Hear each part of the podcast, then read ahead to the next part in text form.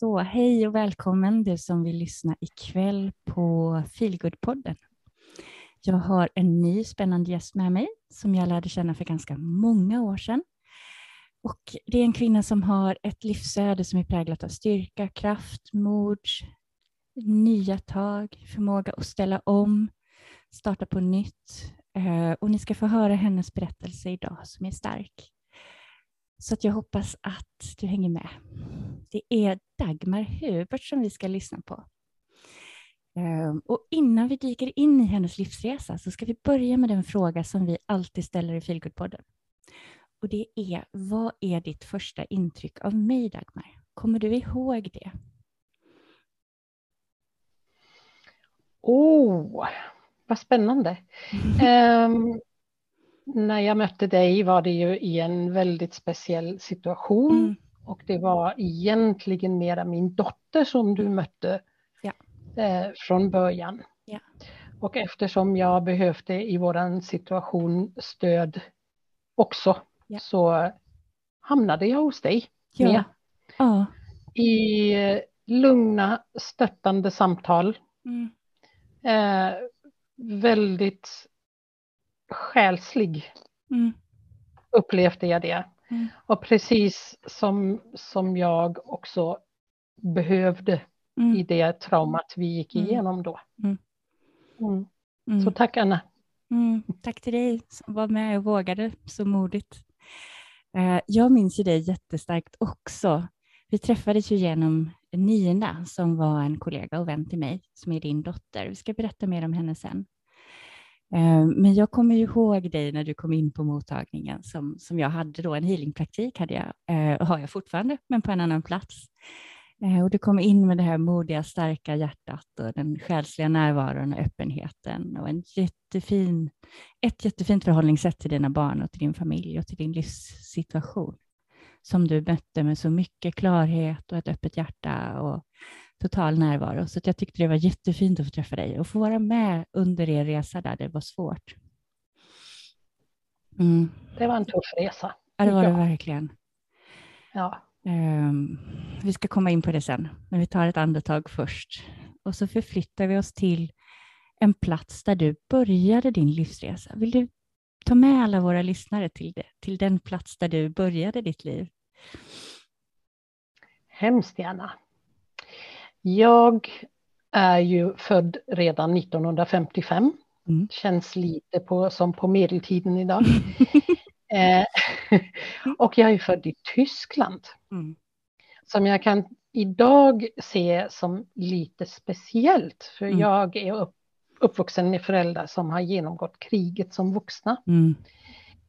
Eh, som hade en speciell inställning till livet. Mm som var präglat av sitt liv ja. och präglat av kriget och sina ja. händelser. Mm. Um, Tyskland hade då nog en, en ganska sträng syn på, mm. på barnuppfostran. Mm. Det var min far som hade det. Mm. Barnen skulle finnas, man skulle ha många barn, mm. men de skulle varken synas eller höras. Så att vi var fem syskon, mm. eller vi är fortfarande fem syskon, mm. eh, som växte upp tillsammans mm. eh, i den efterkrigstiden. Mm. Så min äldsta syster är ju redan född 49 direkt efter kriget. Mm. Med en ganska sträng far med sina präglingar mm. från sin uppväxttid. Och en väldigt modern mor mm. som var lite motsatsen till honom. Mm. Hon var sjuksköterska, barnsjuksköterska under mm. kriget och hade en betydligt mer öppen, mer ödmjuk, mer mm. modern, som, som jag skulle kalla modern mm. syn på livet. Um, det har ju, alltså den delen av mitt liv har ju präglat allt. Ja, och jag måste, faktiskt, jag måste faktiskt säga, jag tycker idag att mm. det är så oerhört fascinerande mm. att ha växt upp under den tiden. Mm, jag, brukar, jag brukar jämföra det lite grann med när jag föddes 55, då hade vi Elvis Presley som mm. musik. Vi hade Edith Piaf fortfarande. Mm. Mireille Mathieu från mm. Frankrike. Mm. Eh, lite den här mm. krigs och efterkrigsmusiken. Jag är faktiskt uppväxt jag... med den också kan jag berätta om. Min mamma är född 50 så det är kanske liknande. Ja, mm. ja. Sen så kom det, den stora omvälvningen mm. i samhället ja. i början av 60-talet. Ja. Och tänk att det dök upp en grupp som heter Beatles. Eller hur? Med långt hår. Det var helt obegripligt, mm. helt fullkomligen omöjligt. Det mm. gick inte i den här efterkrigssträvan av uppbyggnad i mm. Tyskland. Mm. Tyskarna kallas ju väldigt flitigt, landet var väldigt förstört. Min mm. far utbildade sig direkt efter kriget eh, till arkitekt. Ja. Eh, så han byggde ju hus. Mm. Och vi hade privilegiet att redan 1957 flytta in i ett alldeles eget hus. Oh. Jättegigantiskt stort hus. Häftigt. Ja, det var, det var faktiskt ett jätteprivilegium. Ja. Eh, så jag är uppvuxen väldigt privilegierat. Ja. Så, på det sättet. Mm. Um, om jag jämför det till exempel med, med musiken så, så kan jag tycka att så var också lite livet. Det mm. var strängt men mm. sen öppnade det sig lite. Mm. Det var, samhället blev ett annat. Det kom musiken in som Beatles. Bee Gees, Clearwater Revival, eh, Bob Dylan, alla de här superstjärnor som fortfarande är lika superstjärnor idag. Och livet ändrade sig. Det kom ja. hippievågen. Det. Och det var ju någonting det var ju någonting alltså, så annorlunda än den flitiga tysken som bygger upp sitt land. Det var barn som inte ska ha blöjor på sig, de skulle ligga på torvbädd och man skulle inte störa dem och man, de skulle ha fri utveckling utan gränser. Alltså, och sen den här peace-tecknet dök upp. Eh, hash och marijuana blev tillåtna och fanns. Eh, och det blev enorma krockar mm. i, i våra syn, alltså i ja. föräldrarnas syn och barnens syn. Ja. Så det som byggde upp sig med tiden var ju enorma, en enorm avgrund mellan ja. föräldrar och barn. Ja. Eh, generationen. Mm. Vi ville någonting helt annat. Mm. För mig förde det nog till att jag väldigt, väldigt tidigt blev väldigt, väldigt självständig. Mm. Och gick mm. väldigt, väldigt mycket min egen väg. Ja, skönt. Vart gick du? Eh, vad sa du? Vart gick du? Vart jag gick ja. i skolan. Men tänk, jag tänker så mycket på att vi fick aldrig lära oss den, den tyska historien. Nej. Vi ärvde den kollektiva skulden. Ja. Men vi fick inte lära oss historien för det var otroligt pinsamt mm. och fördömt att mm. vara mm. nationalistiskt. Mm. Man fick inte vara tyst Nej. ens en gång. Man var tyst. Man bar på den här tysta mm. kollektiva skulden. Ja. Den fick vi ärva fullt ut. Mm. Eh, och, och sen så, jag kommer ihåg att jag var 17 år i skolan när vi började för första gången prata historia. Mm.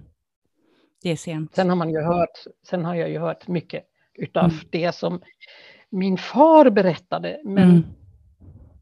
det blev alltid hjältesagor. Mm. Och jag gillade inte Nej. hjältesagorna. Nej. Jag, jag var ganska, ganska dålig på att lyssna ja. den delen. Du hade sett andra konsekvenser Så, förstås. Ja. ja, och i det virvaret mm. växte jag upp. För mm. det var ett virvar. Mm. Ja, det hör jag. Dessutom, ja. ja. dessutom blev min mamma cancersjuk ja. när jag var jag var nog inte mer än nio. Nej. Jag hade en li, liten lillebror som precis var född. Mm. Och som också var väldigt sjuk de första två åren. Mm. Och eh, så hamnade min mamma lite i skymundan. Mm. Hon hade en bröstcancer. Mm. Hon överlevde tills jag var 17. Ja, men det är ändå tidigt att förlora sin mamma. Mm. Ja, och mellan 15 och 17 hade jag ensam vårdnad om henne kanske jag kan Ja. säga. Mm. Ehm, det var en otroligt tuff tid. Mm. En jättetuff tid. Mm. Så när hon gick bort så blev det väldigt kaotiskt Mm. i vår familj. Mm. Mina två äldre systrar, de hade ju flyttat för ganska länge sedan och studerade. Den ena var redan gift, min äldsta syster. Mm. De är fem och sex år äldre. Ja. Eh, och ehm, så ja, det mesta hemma blev Mm. ju hängandes på mig. Samtidigt som man krävde att jag skulle gå i skolan och prestera. Och, Mm. eh, ja, så det, Mm. Jättetungt. det var en väldigt tuff tid. Mm. Eh, men det har ju präglat mig. Ja. Såklart. Min far försvann sen in i sorgen och hade absolut ingen, ingen förmåga att ta hand om oss tre. Jag var 17 så jag flyttade ganska snart hemifrån. Mm.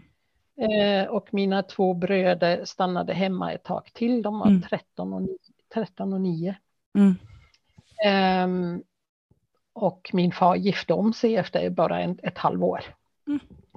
Som också var väldigt traumatiskt. Mm. För det blev, an, det blev andra konflikter.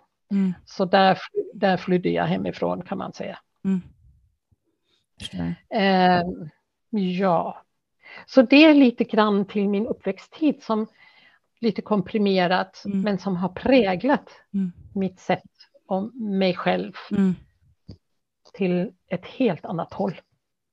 Jag förstår att det fanns mycket, krävdes mycket mod och styrka för, av dig redan tidigt Väldigt mycket självständighet, också. eget handlande, Ja.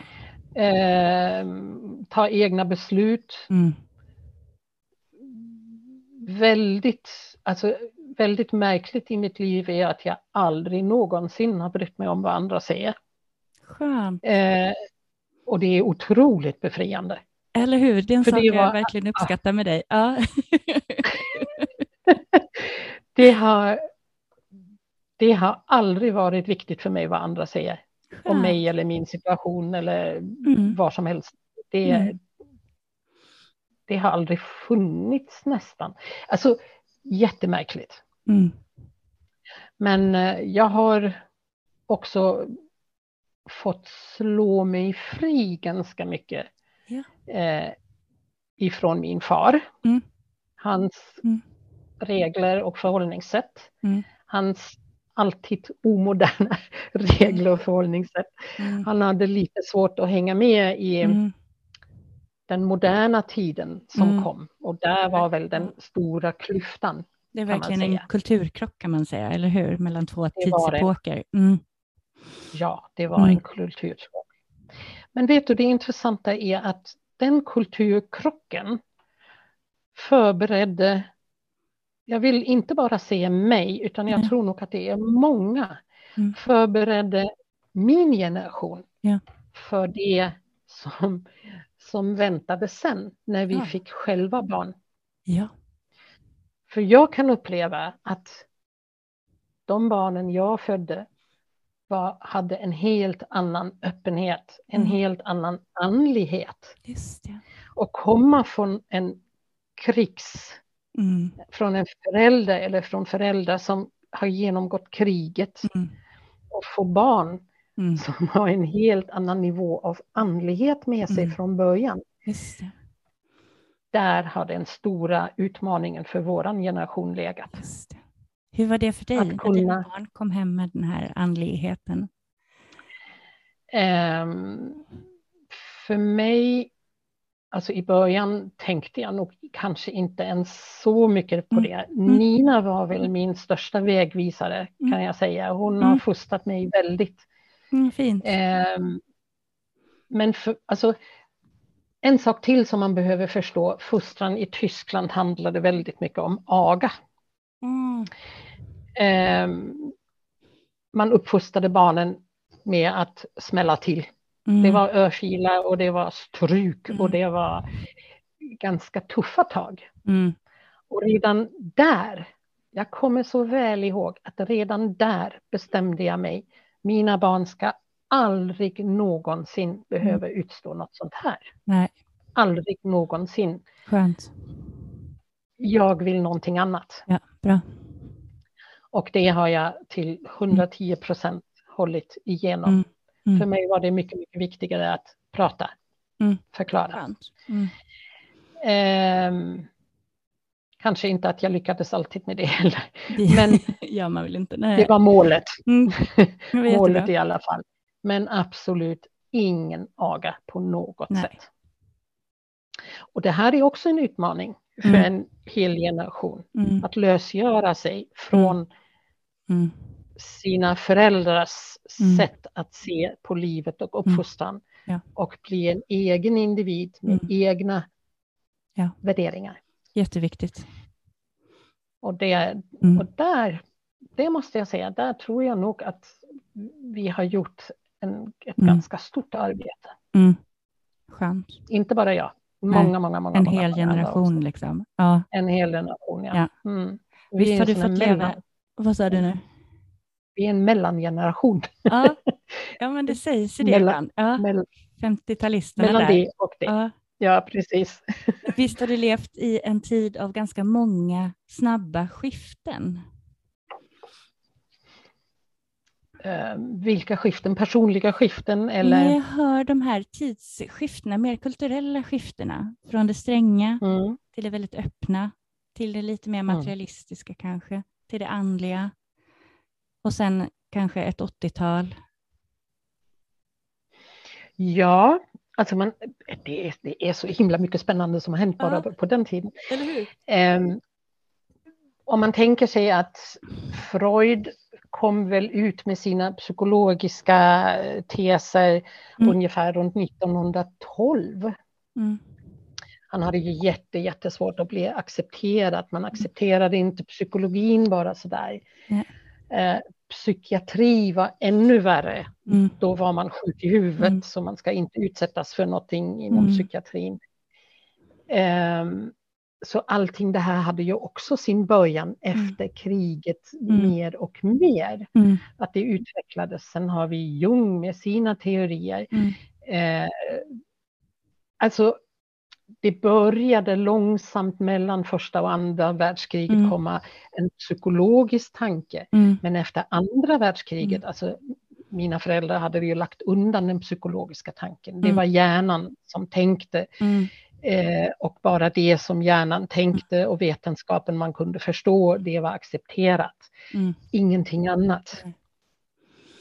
Vi hade inga emotionella acceptanser. Vi Nej. skulle inte uttrycka känslor. Det var, det var jättejobbigt. Ja.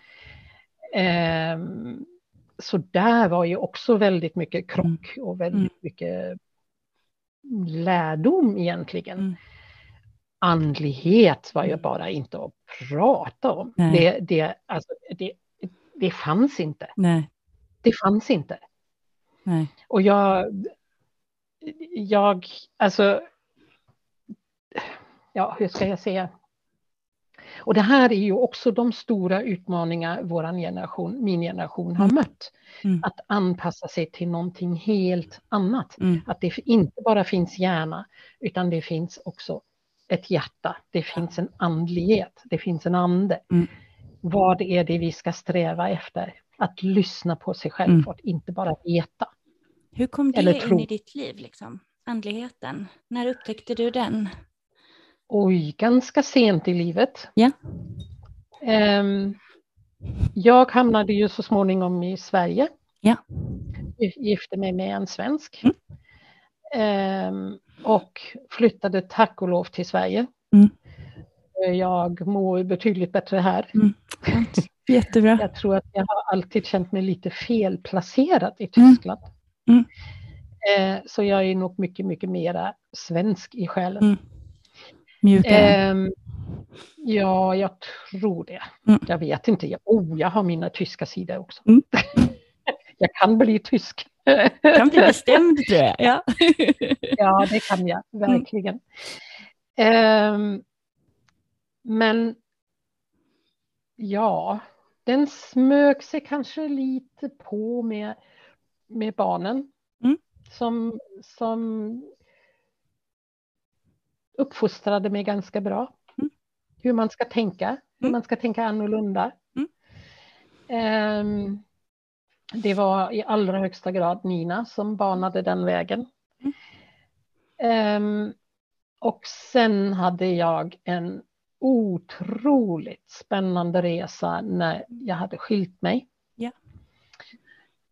Um, ja, jag hade precis startat ett företag uh, och jobbade med hästar då. Ja, Med, alternativ, med alternativmedicin. Jag yeah. hade gått en utbildning uh, och startade ett rehabstall mm.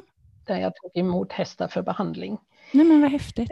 Um, ja, jättehäftigt. Mm. Men till, till det kom en eh, väldigt turbulent tid med mm. skilsmässa mm. och uh, vi sålde vårt hus. Uh, och jag hamnade, eftersom jag hade ett företag som jag hade startat bara mm. åtta månader tidigare så kunde jag mm. inte lägga fram två bokslut som jag behövde för att kunna hyra en lägenhet. Eh, och jag fick inte hyra den där lägenheten och fick flytta in istället i en åtta kvadratmeter liten friggebod. Mm. Den första mars. Och jag kommer ihåg att det var enormt mycket snö ute. Mm. Kallt låter det. det var bara åtta kvadrat, det var inte så svårt att värma upp. Nej, vad bra. det var lite svårare att jag inte hade någon toa eller badrum. Oh, så, mm. ja, Alltså min största rädsla var ju att gå upp på natten och behöva kissa. Oh. Och bara för att jag var så rädd för det så fick jag göra det två gånger varje natt. ja. och, och stappla ut i snön och mm. ja, göra mitt och gå tillbaka och lägga mig. Mm. mm. Ganska intressant. I den vevan startade också en det började plötsligt hända jättekonstiga saker med mig. Mm. Um, och jag hade ingen aning vad det handlade om.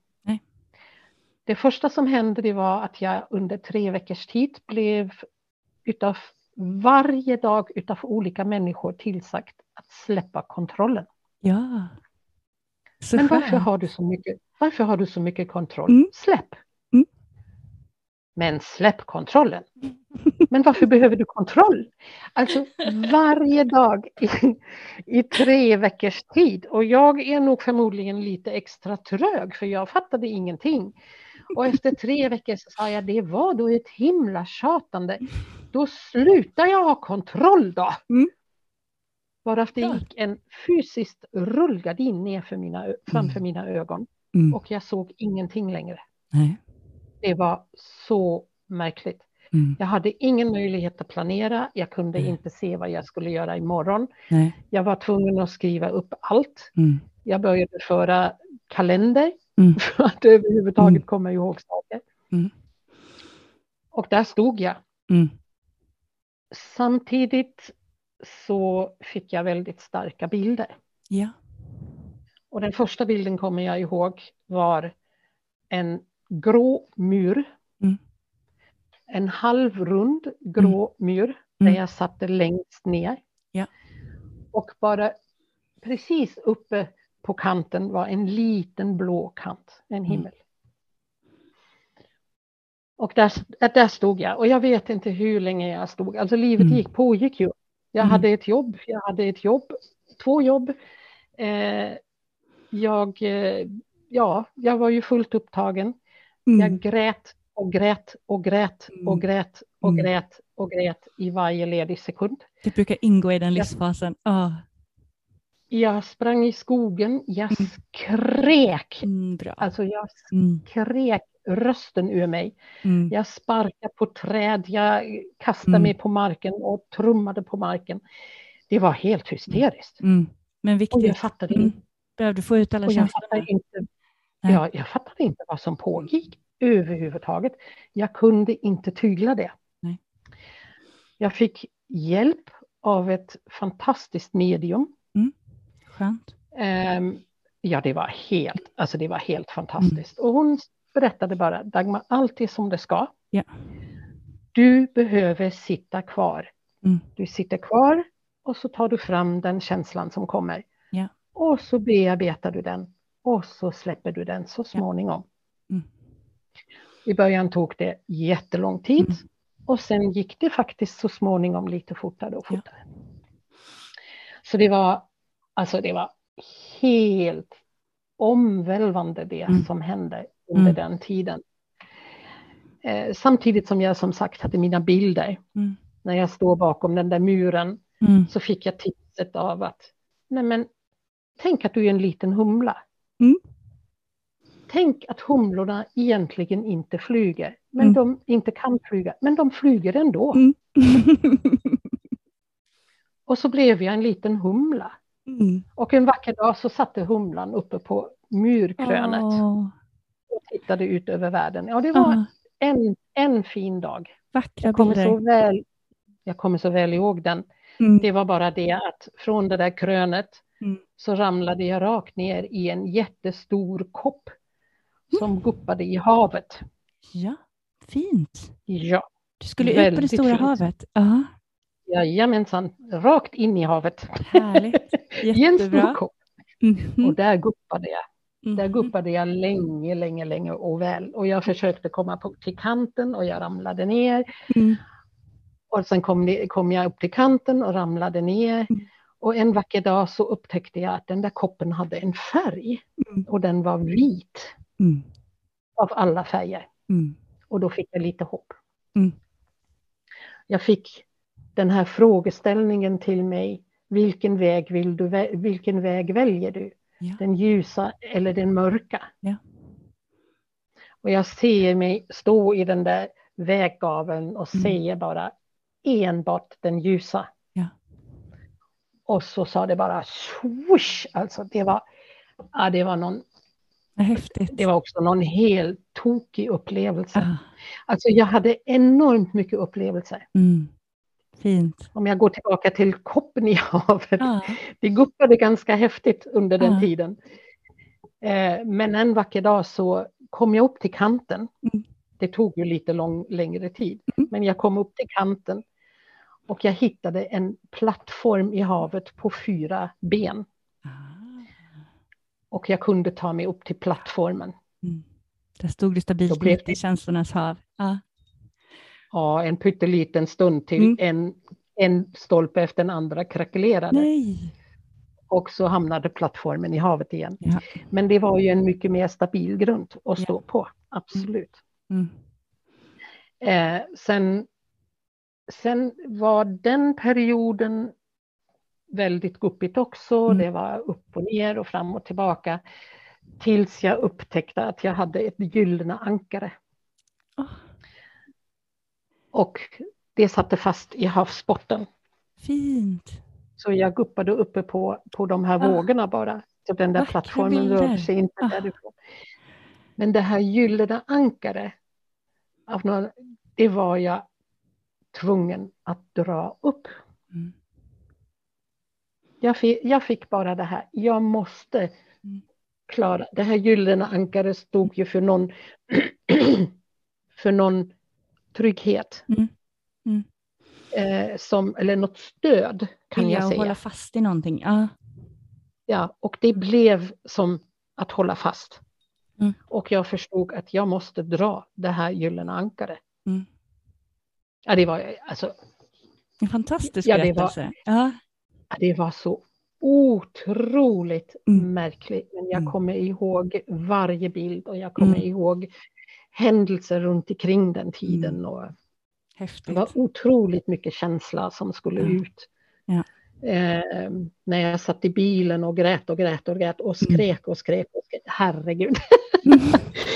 Men det var oerhört befriande. ja. men det är inte ens Och det hela- ja, Många av oss har gått igenom den livsfasen. Liksom. Mm. Den Så skönt att höra. Så skönt att höra. Mm.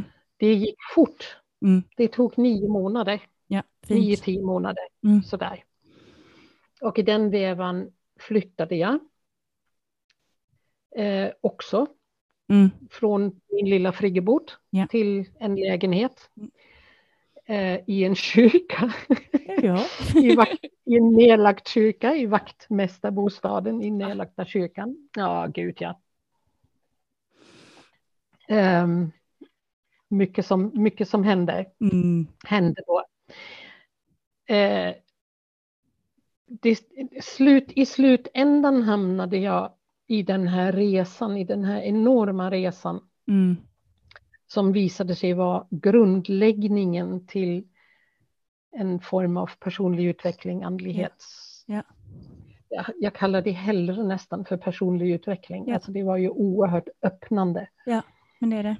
Eh, så var det en grundläggning, för det kom ju mycket, mycket till sen ja. som byggde på det. Mm. Men jag kommer väldigt, väldigt väl ihåg i min nya lägenhet eh, så fortsatte, fortsatte an den här utvecklingen. Och det som jag upplevde det där, mm. där var att jag stod faktiskt framför ett gigantiskt stort svart hål. Mm. Riktigt, ett mm. svart hål. Mm. Och det låter ju oerhört negativt. Eller tungt eller hotfullt. Mm. Det var det inte. Nej. Utan jag skulle bara hoppa in i det. Ja. Och se vad som händer. Mm. Och det gjorde jag. Mm. Jag kom ut på andra sidan tunneln. Ja. Skönt. det, var inte, det var inte värre än så kan man säga. Nej. Men eh, det var, ja, det var en fantastisk resa. Vad hände en på andra sidan tunneln? Alltså, det som jag har fått med mig av den resan är en helt annan förståelse för människan. Mm. Eh, att kunna läsa människan mm. på ett mm. helt mm. annat sätt. Mm. Eh, jag har alltid, konstigt nog, varit intresserad av psykologi. Mm. Eh, men jag har nog min egen psykologi, tror jag. Ja, fint. Där jag, där jag kan förstå människa, människor på ett annat sätt. Och mm. det kom väldigt mycket genom min egen utveckling, ja. genom min egen, det som jag hade gått igenom så otroligt mm. fysiskt själv. Mm. Mm. Hur har du använt den kunskapen um, i livet sen? Ja, den bär jag ju med mig hela tiden. Uh. Hela tiden. Mm. Det, um, senare har jag ju utbildat mig till hypnosterapeut, mm. eh, samtalscoach. Mm. um,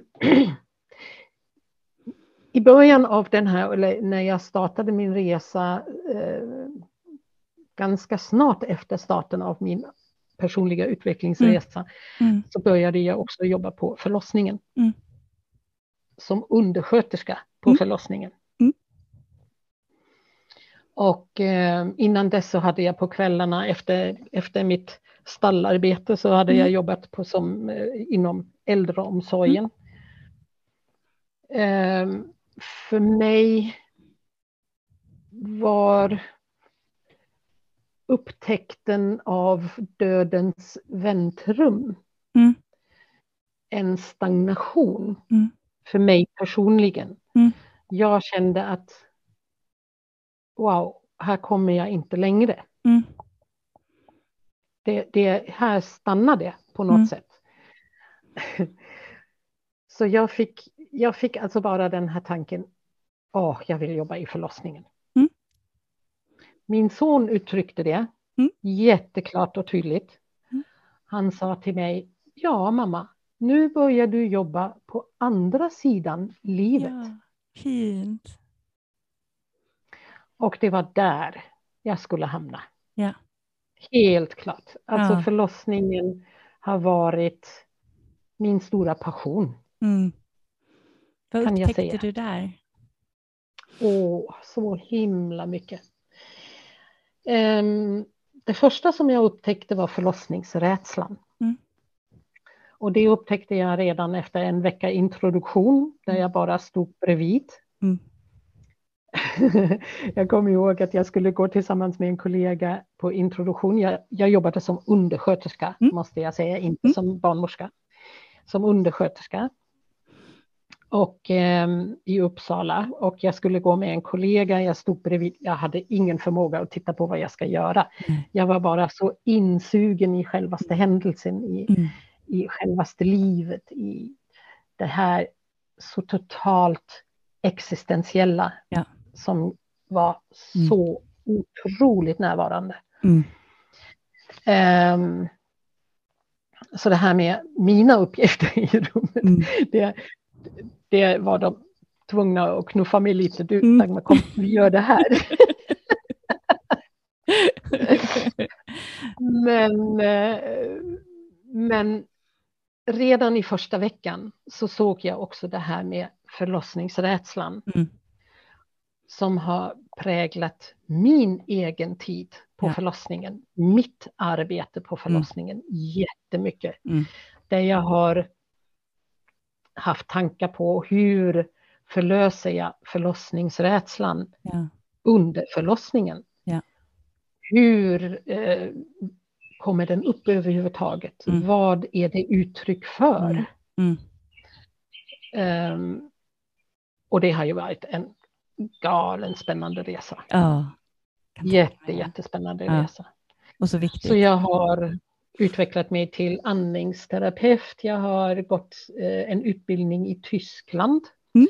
eh, som heter Zielgrei under förlossningen. Det är mm. alltså en, en rörelse. Mm. Har lite grann att göra med Feldenkrais-rörelsen mm. som är lite mera känt. Eh, hur man kan underlätta för kvinnan med mjuka rörelser, bäckenrörelse, eh, sittande ståendes och sådär. Eh, jag har utbildat mig under den tiden som till hypnosterapeut. Mm. Eh, för att komma ännu längre ner i mm. avslappningen. Och jag måste ju, nu kan jag ju säga det när jag inte jobbar längre. Jag, jag ville inte det, men Nej. ibland har jag lyckats med det spontant. Um, utan, utan att det var min vilja att lägga mm. någon i hypnos. Det var inte det som jag var ute efter, utan bara genom, genom uh, enformiga rörelser, enformiga, enformigt prata. Mm. Jag hade ett par där båda två, både kvinnan och mannen, gick in i en fantastisk avslappning mm. mitt under mitt under stormiga förlossnings, mm, eh, förlossningen. Mm. Eh, och det var också en häftig upplevelse mm. att se mm. hur mycket man kan bidra ja. när man står bredvid. Ja. Till, till eh, förlossningens ja. av, till kvinnans avslappning och Verkligen. förståelsen för den. Mm. Så jag har haft, jag har haft fantastiska möten mm. med föräldrar i förlossningen eh, funderat en del vilken fråga, alltså det kom spontant, mm. vilken fråga ska jag ställa för att kvinnan ska släppa mm. tankarna. Mm. Eh, bara kunna ställa en, en mm. liten fråga eller bekräfta kvinnan när hon har sagt en mening. Mm. Eh, alltså otroligt spännande. Det var fantast en fantastisk utveckling. Men sen också den här delen i förlossningen där man arbetar med sorg. Mm. Eh, det händer ju tyvärr att man förlorar ett barn eller att ja. man föder ett dödfött barn. Ja. Det kan hända. Um, där får man ju vara väldigt ödmjuk inför livet och jag har mm. sett föräldrar som har gjort, åh vilken resa de har gjort, jag har mm. beundrat dem verkligen. Mm. Um, och det var ganska intressant för att när jag hade jobbat ett år på förlossningen och jag, den dagen mådde jag så dåligt själv. Mm. Alltså jag var så inne i mitt eget, eh, i min mm. egen utveckling. Mm. Jag mådde inte bra den dagen och kommer till jobbet och får veta att jag får ta hand om ett par som har fött ett, barnet var fött men mm. dödfött. Mm. Och jag skulle ta hand om det. Mm. kommer aldrig glömma det. Aldrig mm. någonsin. Vad hände? Jag nollställde min, mm. mig själv. Mm. Tänkte okej okay, Dagmar, nu nollställ. Mm. Så gick vi mot rummet, barnmorskan och jag. Vi jobbade alltid i par, barnmorska och undersköterska. Vi kommer till rummet, barnmorskan går in i rummet. Och jag har dörren i handen mm. och ser en svart våg, mm. energivåg komma rakt emot mig mm. från det här rummet. Ja, det var så otroligt tydligt. Mm. Och jag trycker tillbaka den här vågen mm.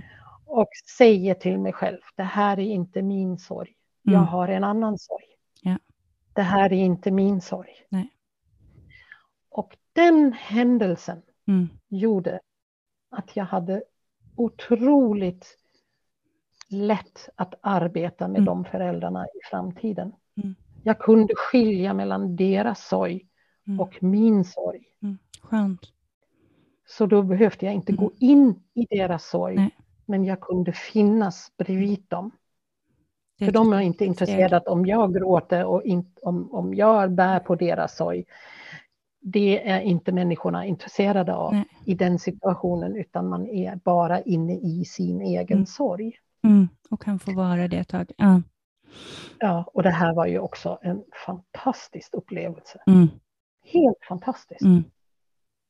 Så att, ja, så, sådana upplevelser har jag haft. Mm, jättefint. Djupt och meningsfullt och väldigt tydligt berättat. Ja. Mm. Och det här var ju, alltså, jag älskade den tiden, det mm. jobbet. Um, det var, det var nog min stora mening att hamna på mm. förlossningen. Mm. Så småningom så började med, med vattengympa till i förlossning. Jag utbildade mig till vattengympa, mm. äh, vattengympa-instruktör. Mm. Och startade upp vattengympa för gravida. Ja, härligt. Samtid, samtidigt med en förlossningsförberedande kurs. Mm. Härligt. Eh, och sen så började jag även jobba som dola. Ja, just det. Eh, där jag alltid erbjöd en förlossningsförberedande kurs och mm. sen så för de som ville även, även hypnos, en mm. förberedelse i hypnos, mm. för att kunna använda hypnosen under förlossningen. Fantastiskt. Eh, det funkade inte för alla. Mm.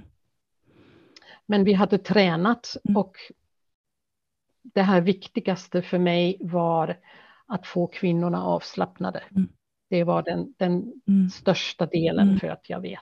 Mm. Men jag har också haft kvinnor som mm. har fullständigt gått igenom hela förlossningen enbart i hypnos. Ah. Och det här, eh, ja, ja, det har jag också haft jättehäftiga upplevelser. Faktiskt. Fantastiskt.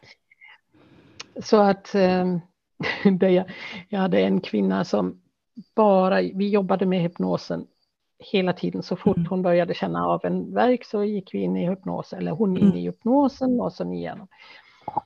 Och eh, sen var jag jättekaffesugen. Vi hade jobbat igenom hela natten. Mm.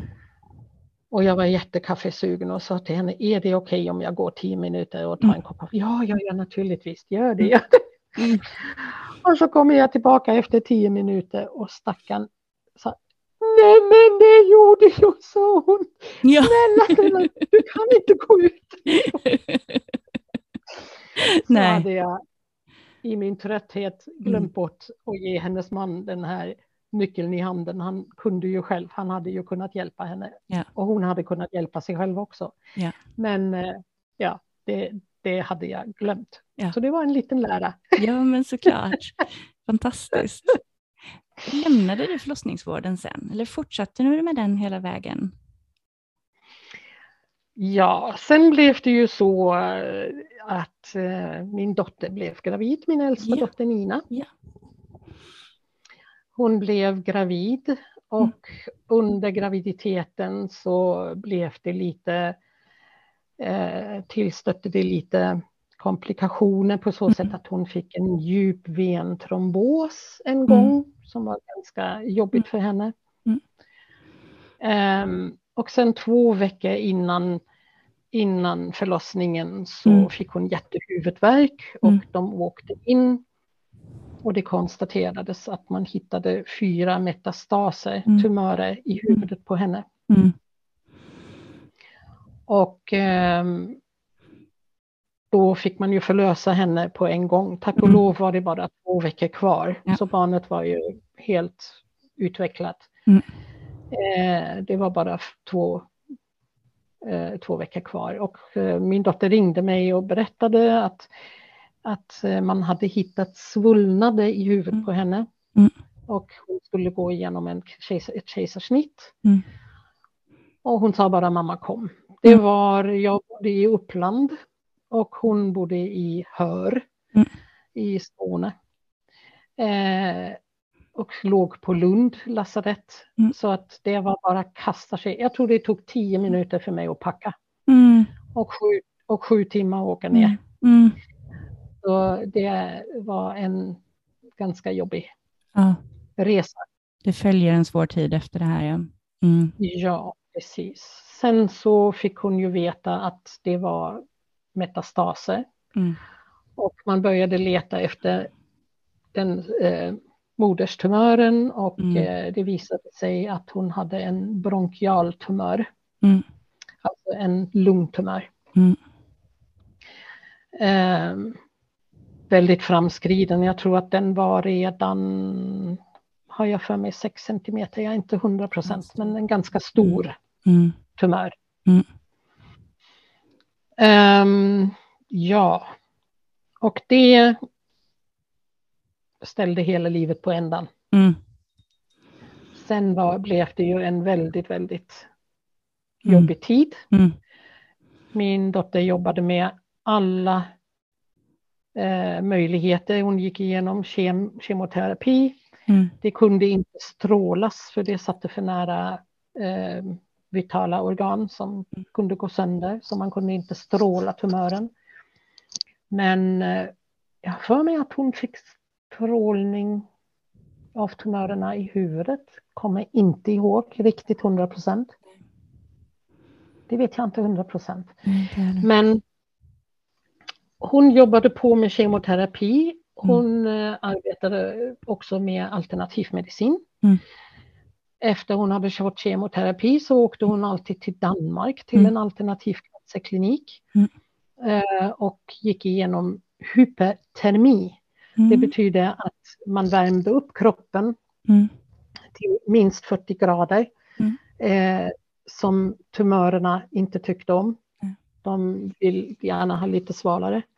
Eh, och som och hon hade den te teorin när jag går igenom kemoterapi och kemin sätter sig på tumören mm. och man värmer den dessutom upp så hjälper det bättre. Mm. Hon jobbade med akupunktur, hon jobbade med eh, mat jätte, jättemycket. Hon gick ju direkt in i den här tanken att eh, inte äta någonting som, mm. som kan föda tumören utan ja. bara sånt som angriper tumören. Ja. Eh, hon var otroligt strikt i sin mathållning. Och, ja, jösses. Eh, Så var hon i Tyskland? Ja. ja, och sen den stora delen. Det var ju healing. Ja. Och eh, jag fick, jag ringde till någon och frågade, finns det någon, mm. en, en bekant Eh, mm. och jag sa, vet, känner du någon mm. som gör andlig kirurgi? Mm. Och hon säger till mig, ja, jag känner bara en i Brasilien. Mm. Han heter John of God. Mm. Och jag tänker bara, ja men du skojar eller? Mm.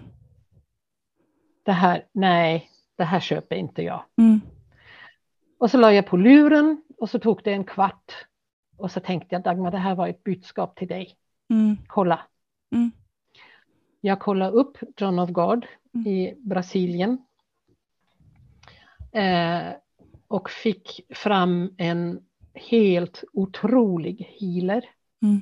Som var helt eh, gått in i medicinsk healing, mm. medicinsk kirurgi eh, som inkorporerades av olika medicinska stora andar. Mm. Eh, och han har ju alltså helat, jag vet inte hur många människor i livet, mm. i sitt liv. Eh, och jag berättade det för min dotter och då sa min dotter, ja, men mamma vi behöver inte åka till Brasilien för han kommer till Tyskland i november. Mm. Och åker vi till Tyskland. Mm. Och sen var det så fantastiskt att han kom till ett ställe väldigt nära där min bror bor. Mm. Så vi kunde bo hos min bror. Mm. Och jag anmälde Nina och mig till mm. John of God-sittningarna. Mm. Mycket, mycket speciellt. Mm. Alla skulle ha vita kläder. Helt fantastiskt. En enorm energi.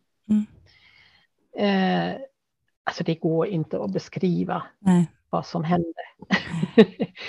Nina gick igenom en så kallad andlig, en eh, andlig operation. Det var egentligen ingenting med att man sitter ner. Mm. Eh, man har en hand på hjärtat, en hand på låren, på låret. Eh, och sen är det en ledd meditation. Mm. Därefter får man anvisning att omedelbart, utan att prata med någon, åka hem, mm. lägga sig i sängen i 24 mm. timmar. Man får vara i sängen. Mm. Inte lyssna på radion, tv, mm. ingen stimulans utifrån, inte läsa, bara mm. sova. Um, som det visade sig sen var de här, den här, alltså, de här operationerna är otroligt starka. Man blir, mm. Jag var, hade, gick igenom den också. Uh, man blir oerhört trött. Och får verkligen jättemycket upplevelser under, den, under de 24 timmar. Helt fantastiskt. Mm. Det var i november som Nina gick igenom det.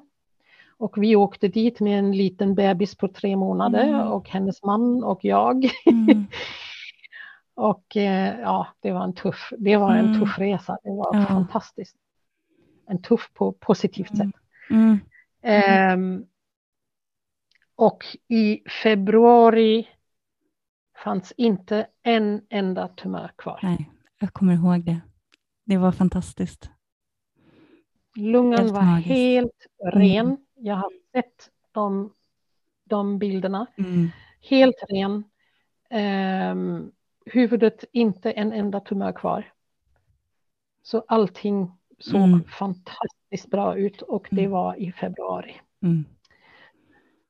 Um, under tiden så hade de flyttat till ett annat ställe till norr, lite mer norrut. Um, men i april, i mars började hon känna av, eller i april började hon känna av någonting. Mm. April var det. Eh, I lungan. Mm. Och man talade om för henne att hon har en lunginflammation och behandlade mm. henne med penicillin, antibiotika. Eh, men istället så hade hon en lymf en lymf, eh, lymfknut som var, in, var ja, jag vet inte hundra procent vad som hände. Men jag vet i alla fall att i maj hade det kommit en ny tumör mm. och den satte i ena lungan och mm. den utvecklades alltså bara på ingen tid alls till 8 centimeter. Ja. Men jag har för mig att den höll sig där. Mm. mm. Men det dök upp två nya två nya tumörer i huvudet också. Så då fick hon ett återfall. Mm. Och ett återfall i cancervården är inte positivt. Nej. Nej. Så det fanns en liten bebis, det fanns en sjuk mamma, det mm. fanns eh, väldigt mycket oro. Mm. Um, jag var där så mycket jag bara kunde. Mm. Jag eh, kunde inte hela tiden, men vi har ju en större familj. Ja. Så mitt ex, mitt ex var där, min dotter, min andra dotter, min son var där så mycket de bara kunde. Mm. Vi hade mycket tid att prata. Mm. Eh, som känns, kändes efteråt mm. oerhört skönt. Eh, sen kom det ett bröllop. Mm. Min, dot min mm. dotter och hennes man gifte sig i augusti en tre dagars fest oh. där, där hela familjen, alla släkt, ja. alla kompisar var inbjudna. Ja, fint. Och som också blev ett avskeds, ja. en avskedsfest helt enkelt. Men Nina orkade gå igenom hela processen med tre dagar. Mm. Mycket möten. Elton fyllde ett år, mm. hennes barn. Eh, det var helt fantastiskt. Mm. Mm. Så vi hade ju till och med min släkt från Tyskland, en del kom, mm. kom upp och firade och var med på bröllop och mm. födelsedagen. Så att jätte, jättefint. Mm. Eh, så att i hänseende till att säga hej då, att ta avsked, mm. så, så känner jag att vi har, alltså vi har gjort allt mm. enligt regelboken kan man säga. Om mm. det finns en regelbok, det finns inte. Men vi hade jättemycket tid att prata och vi, ja. har, vi har gått igenom väldigt mycket. Um, och hoppet försvinner aldrig. Nej. Förrän det är för sent. Ja, mm. såklart. Hon var hemma hela tiden och eh, vi fanns runt omkring mm. henne mm. när hon gick bort. Ja. Och det känns fantastiskt bra. Mm. Jättefint. Det gör det. Mm.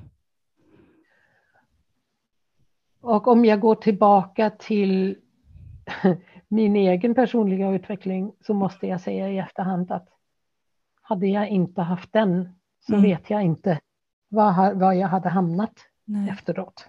Nej. Hur var tiden efteråt? Ja, tiden efteråt. Det mest makabra, det var mm. egentligen att man får fem dagar efter, efter ett dödsfall i familjen mm. i sjukpenning. Mm. Man får vara, får vara ledig i fem dagar. Mm en underbar kollega tog alldeles självmant ett pass mm. till så att jag fick sex dagar mm. ledigt. Hon var ju så himla gullig och hon sa jag hade mm. hoppats att, att vi alla andra hoppar på det också. Mm. Men hon bjöd på en, på en dag mig. Ja. Det var helt underbart. Sen kom jag tillbaka och där är det makabra. Mm. Att man hade anmält mig till en HLR-kurs. Mm. Mm. Mm. Det var ju inte så bra. Nej. Det kändes ju inte så. Nej. Det gick bra med, med kompresser, men när de tog fram defibrillatorn då mm. hoppade jag ur, ur rummet och sen var det kört för min del. Ja, jag förstår det. Eh, jag hade tyvärr inte den här kraften att se ifrån. För mig var det bara, ja, jag går till jobbet färdigt. Ja. Men det var ju en, ja, Sen är det tyvärr, är det, var det så efterhand efteråt att jag började få ganska svårt att jobba på förlossningen mm. eftersom eh, min dotter under graviditeten mm. fick sina problem och ja. efter förlossningen sin dom eller sin sjukdom ja. bekräftat.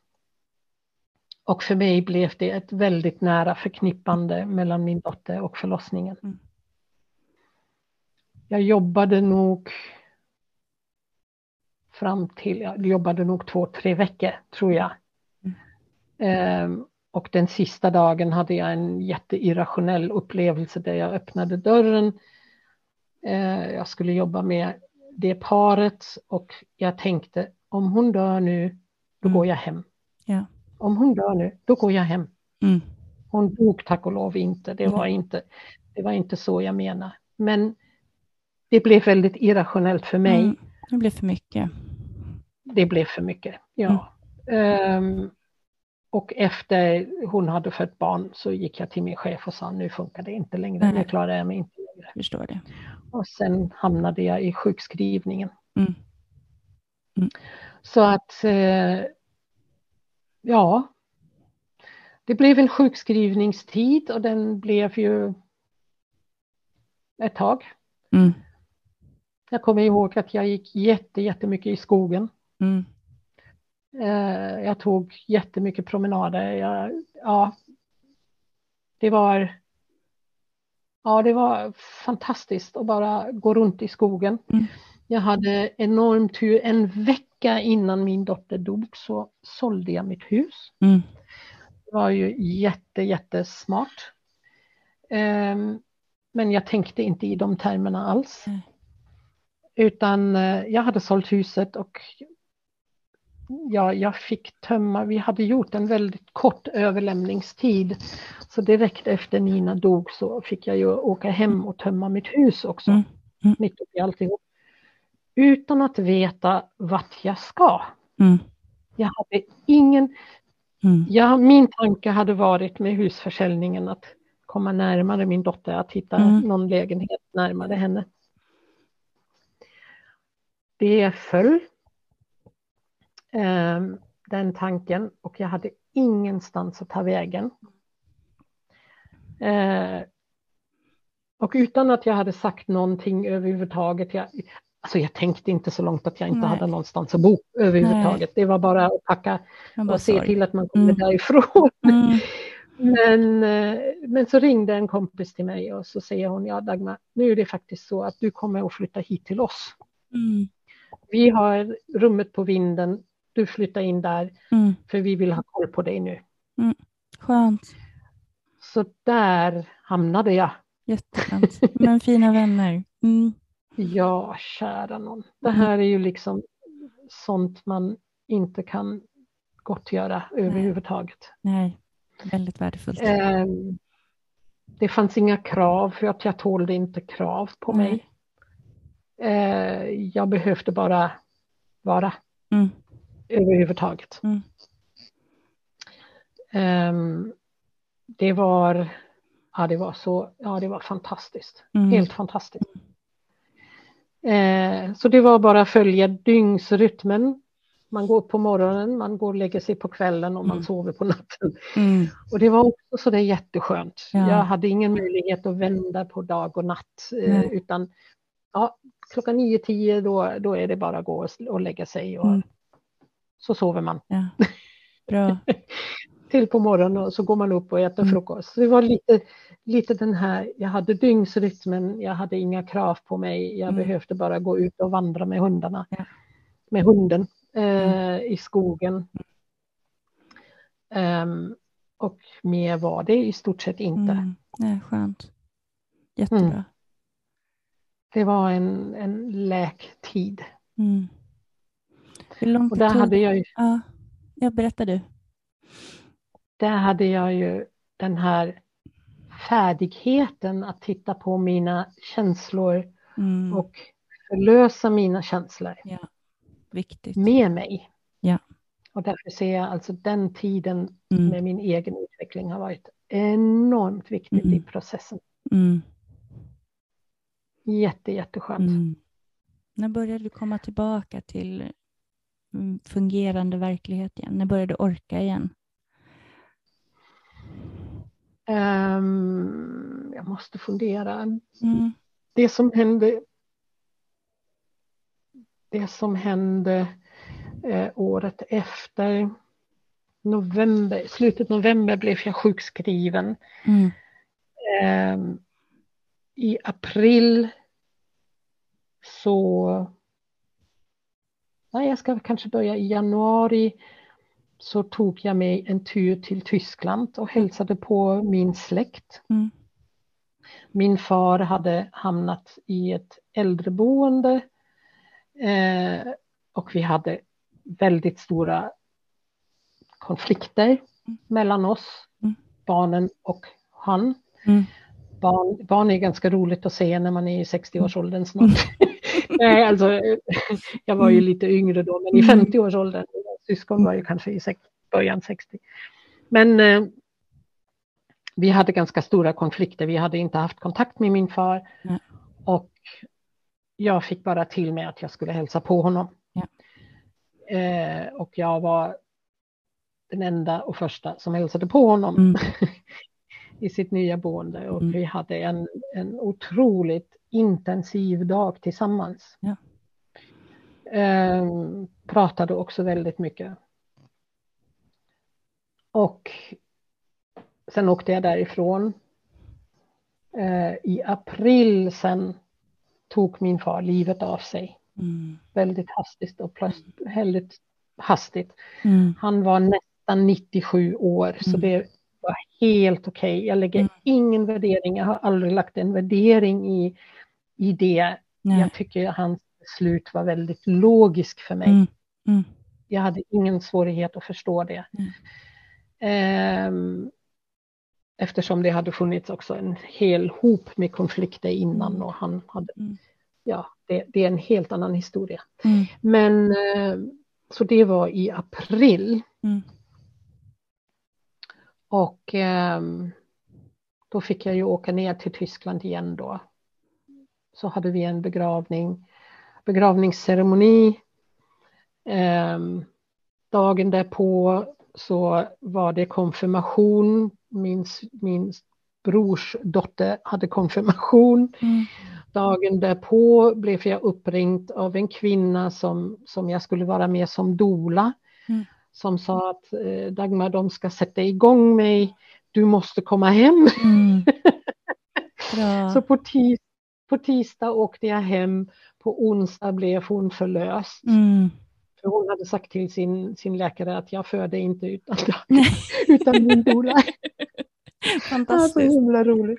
Jag var, med på, jag var med på alla hennes tre barn. Mm. Och eh, där måste jag också förklara att, att hon, var, hon är dottern till min kompis där jag bodde mm. förut.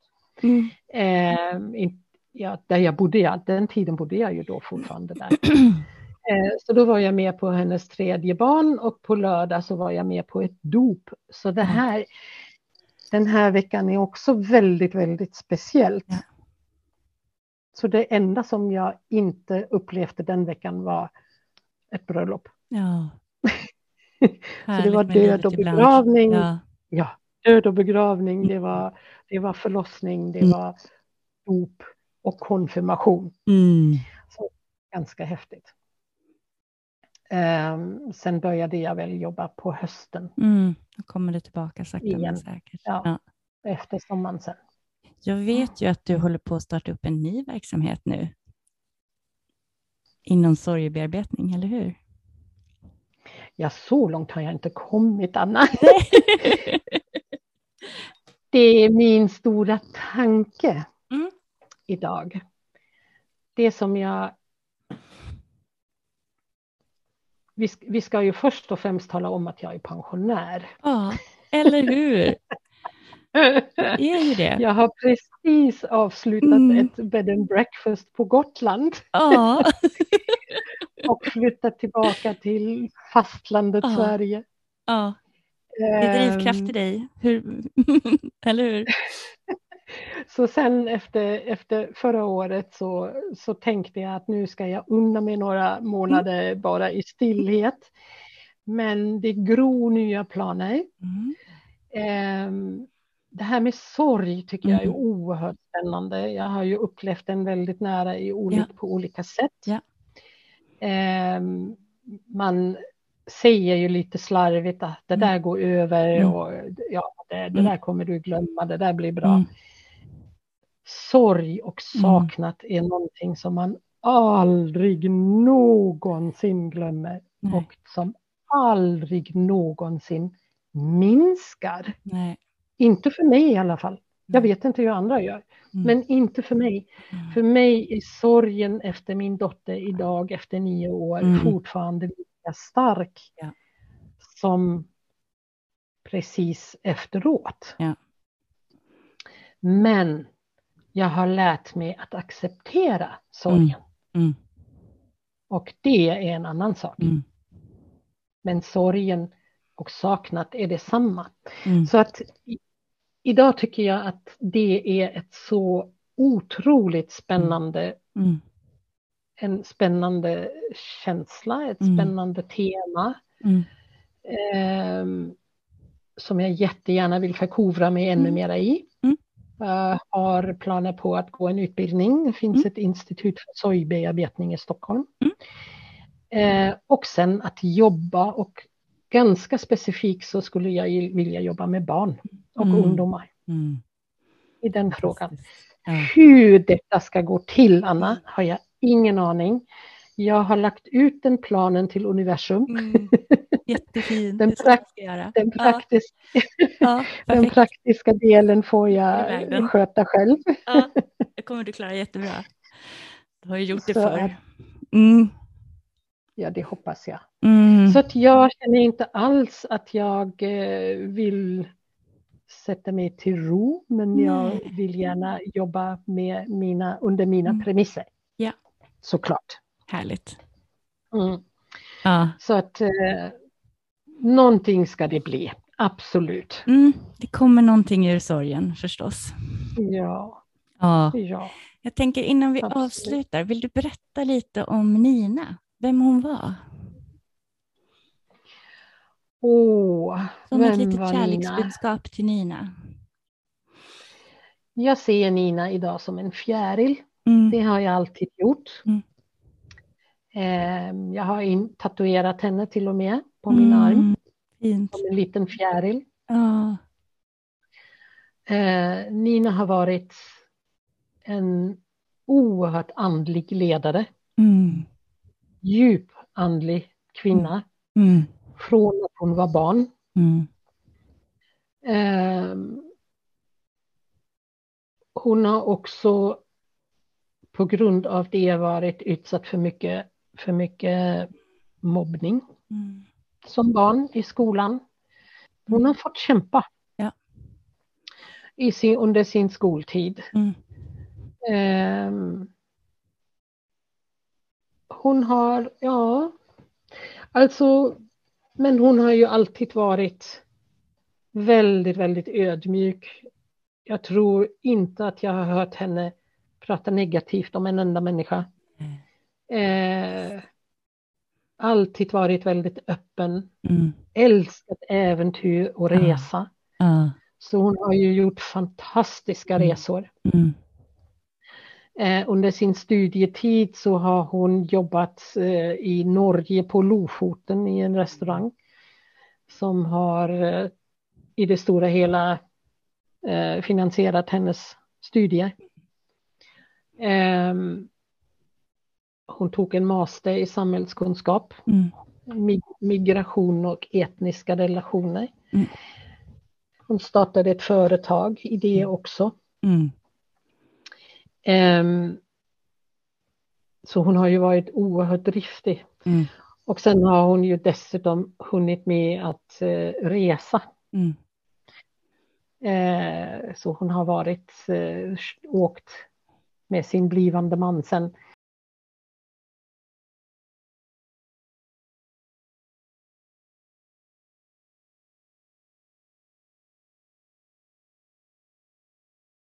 åkte till Mongoliet och sen mm. in till Kina och sen upp till, sen upp till Tibet. Mm. Eh, klättrade upp till Basecamp, Mount Everest Basecamp, ner till Nepal, vidare till Indien. Alltså, och sen genom Indien tillbaka. Mm. Eh, och så kom de hem från Delhi. Det tog ett halvår, helt, alltså helt galet. Mm. Hon har varit svalbad och åkt skidor och gått skidturer. Och, Häftigt. Eh, alltid varit friluftsmänniska, mm. alltid gått i, i fjällen. Det var ju alltså bara hennes. Mm. Åkt skidor sedan hon var tre år gammal. Jag ser mm. den där stora hjälmen och stora pjäxorna och däremellan en liten, liten kropp som åkte på skidorna. Um, ja, väldigt naturintresserat, mm. väldigt friluftsintresserat. Mm. Älskade utmaningar. Mm. Och väldigt andlig. Eller mm. mm. Hon är en fin ängel idag. Verkligen, jättefin att titta ner på oss ibland. Mm. Mycket. Eller hur? Pratar du med henne ibland? Hon tittar mycket. Ja. Oh ja, ja. absolut. Härligt. Ja. ja, men det är jättefint. Det gör jag verkligen. Mm. mm. Ja, men vad skönt. Mm. Jag tror att det börjar bli dags att sy ihop det här avsnittet så sakteliga. Vilken stark berättelse du har delat med oss. Jag tror det finns skäl att återkomma till dig i framtiden. Men stort tack så här långt. Feelgood tips. Tips till våra lyssnare om hur man kan skapa mer feelgood-känsla. Du vet den där känslan man har när man har läst en feelgood-roman eller sett en romantisk komedi eller någonting sånt. Åh, vet du vad min största feelgood-känsla är? Mm. Nej. Den där första kaffekoppen på oh. våren i mm. solen i mm. Farstubron. Den är viktig, jag delar den. den får du hemskt gärna dela. Alltså ja. det är... Jag kan längta efter den hela vintern. Mm. Och när jag sitter där första gången insvept i en tjock filt mm. Och har den där varma kaffekoppen mm. i handen jag bara, och solen i ansiktet. Alltså du mm. vet, det är bara 100 procent livskvalitet för mig. Visst är det magiskt? Jag hade den stunden förra magiskt. veckan uppe på vår bondgård faktiskt. Mm. Då var det varmt. Vid köksväggen var det 18 grader plötsligt när solen mm. stod på. Det, det ja, är faktiskt ja. magiskt. Jag håller med dig. Vad gör du mer? Alltså, det, är en sån. Det är en sån enkel sak. Mm. För mig är naturen också väldigt viktig. Det här att kunna strosa omkring. Mm. mm. För mig mm. Gotland har ju varit en fantastisk plats att vara med mm. naturen och komma till havet och gå längs havet och mm. lyssna. Men det är inte alla förunnat och inte mig nu heller längre. Nej. Nu har jag en liten sjö framför näsan. Ja, det är fint det med. Eh, men att vara lite närvarande när man mm. går i skogen. Mm. Mm. Inte bara för att gå utan mm. för att vara mm. i skogen för att ja. upptäcka. Ja. Och ta sig tid och inte mm. vara stressat utan nu tar jag mig ut mm. bara. Mm. Härligt. Och så får jag vara där. Mm. Tror jag är, alltså för mig är sånt jätteviktigt att hålla balansen. Jag har upptäckt att Alltså jag, jag har ju varit jättemycket stressad i mitt liv. Jag har mm. gått nio gånger, nio gånger in i väggen. Oh. Jag har upp, upplevt några trauman. Så mm. att jag märker när mitt liv blir stressigt att, mm. jag, att jag går vilse i vardagen. Ja. Kallar jag det. Ja. Att jag lägger lite min andliga tanke på hyllan. Jag lägger Mm. balansen i livet på hyllan. Ja. Och för att få tillbaka den här balansen mm. så behöver jag vila någonstans. Mm. Och jag vilar med den där kaffekoppen. Jag vilar mm. med att gå i skogen mm. varje dag en sväng mm. och vara närvarande och titta. Vad är det som pågår här? Eh, att få koppla bort världen Mm. Och det känns för idag känns det väldigt viktigt att koppla bort mm. vardagen eller mm. världen. Mm.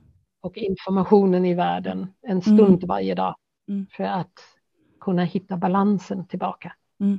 För mig har livet blivit väldigt mycket sökande efter balans. Ja. Att inte gå vilse för mycket i vardagen. Ja, men jag förstår precis. Jätteskönt.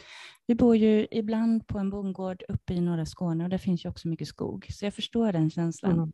Man kommer in i skogen mm. så är man helt inbäddad i grönska och det är så mm. tyst att hjärnan bara slappnar av på något sätt. Mm, det är väldigt ja, man befriande. Får till, mm. man får tillåta det också. Ja. Att rensa hjärnan och säga mm. nej, nu, nu, nu finns det bara en gran framför mig. Mm. Gud vad vackert! Eller hur, jag håller med. Precis så. och fylla, fylla huvudet och kroppen ja. med granen. Lukta på den och känna på den. Jag vet inte. Ja. Alltså det finns ju, man kan ju stanna upp och meditera en stund. Det, det behövs ju ingenting Nej. till det. Det Nej. har jag också gjort mycket. Att jag mm. bara har satt mig på en sten och mm. mediterat. Krama ett träd. Mm. mm. Känna in. Mm. Bara det. Ja. Jättefint. För mig är det oerhört, mm. mass, oerhört balanserande. Ja, men det är faktiskt det. Jag håller helt och hållet med dig. Jag förstår precis. Hitta, hitta den här vågen att rida ja. på. Som är ja. Och som du säger att det är väldigt fint om man kan känna av den balansen hela tiden. När det blir för mm. stressigt, mm. att man då direkt mm. går in med en skogspromenad och balanserar upp liksom, så att det inte går för mm. långt. För det är så lätt hänt. Mm. Eh, vi brukar avsluta med en sista fråga och det är feelgood-barometern. Så nu är den stora frågan, var befinner sig din feelgood-känsla just idag på en skala från 1 till 10? Åh, jag känner mig jätte, jätte, jättehögt upp på skalan. Det var skönt. jag känner mig väldigt avslappnad mm. i det här samtalet. Mm, det, det, var ja, enkelt att prata. Mm. Um, jag är oerhört tacksam för mitt liv. Mm. Det finns en mm. stor, stor tacksamhet för allt. Mm. Det har varit ett guppigt liv, det har mm. inte alltid varit lätt. Nej. Men jag är väldigt tacksam att jag har fått bli den jag är. Mm. Nu förstår jag, hela. jag har så mycket att ge. Ja. Jättefint. Så att det känns idag som en, ja, som en gåva. Mm. Jag har fått mitt liv som en gåva. Ja, så är det ju. Precis, men det är skönt att ja. känna det också. Ja, alltså jag känner överhuvudtaget ingen skuld. Jag mm. känner ingen, ingenting negativt idag mm. överhuvudtaget. Skön plats att få landa in i och så välförtjänt. Ja. Jättefint. Tack. Men då rundar vi av och säger stort tack till dig som ville vara med idag och stort tack till våra lyssnare som har följt den här resan.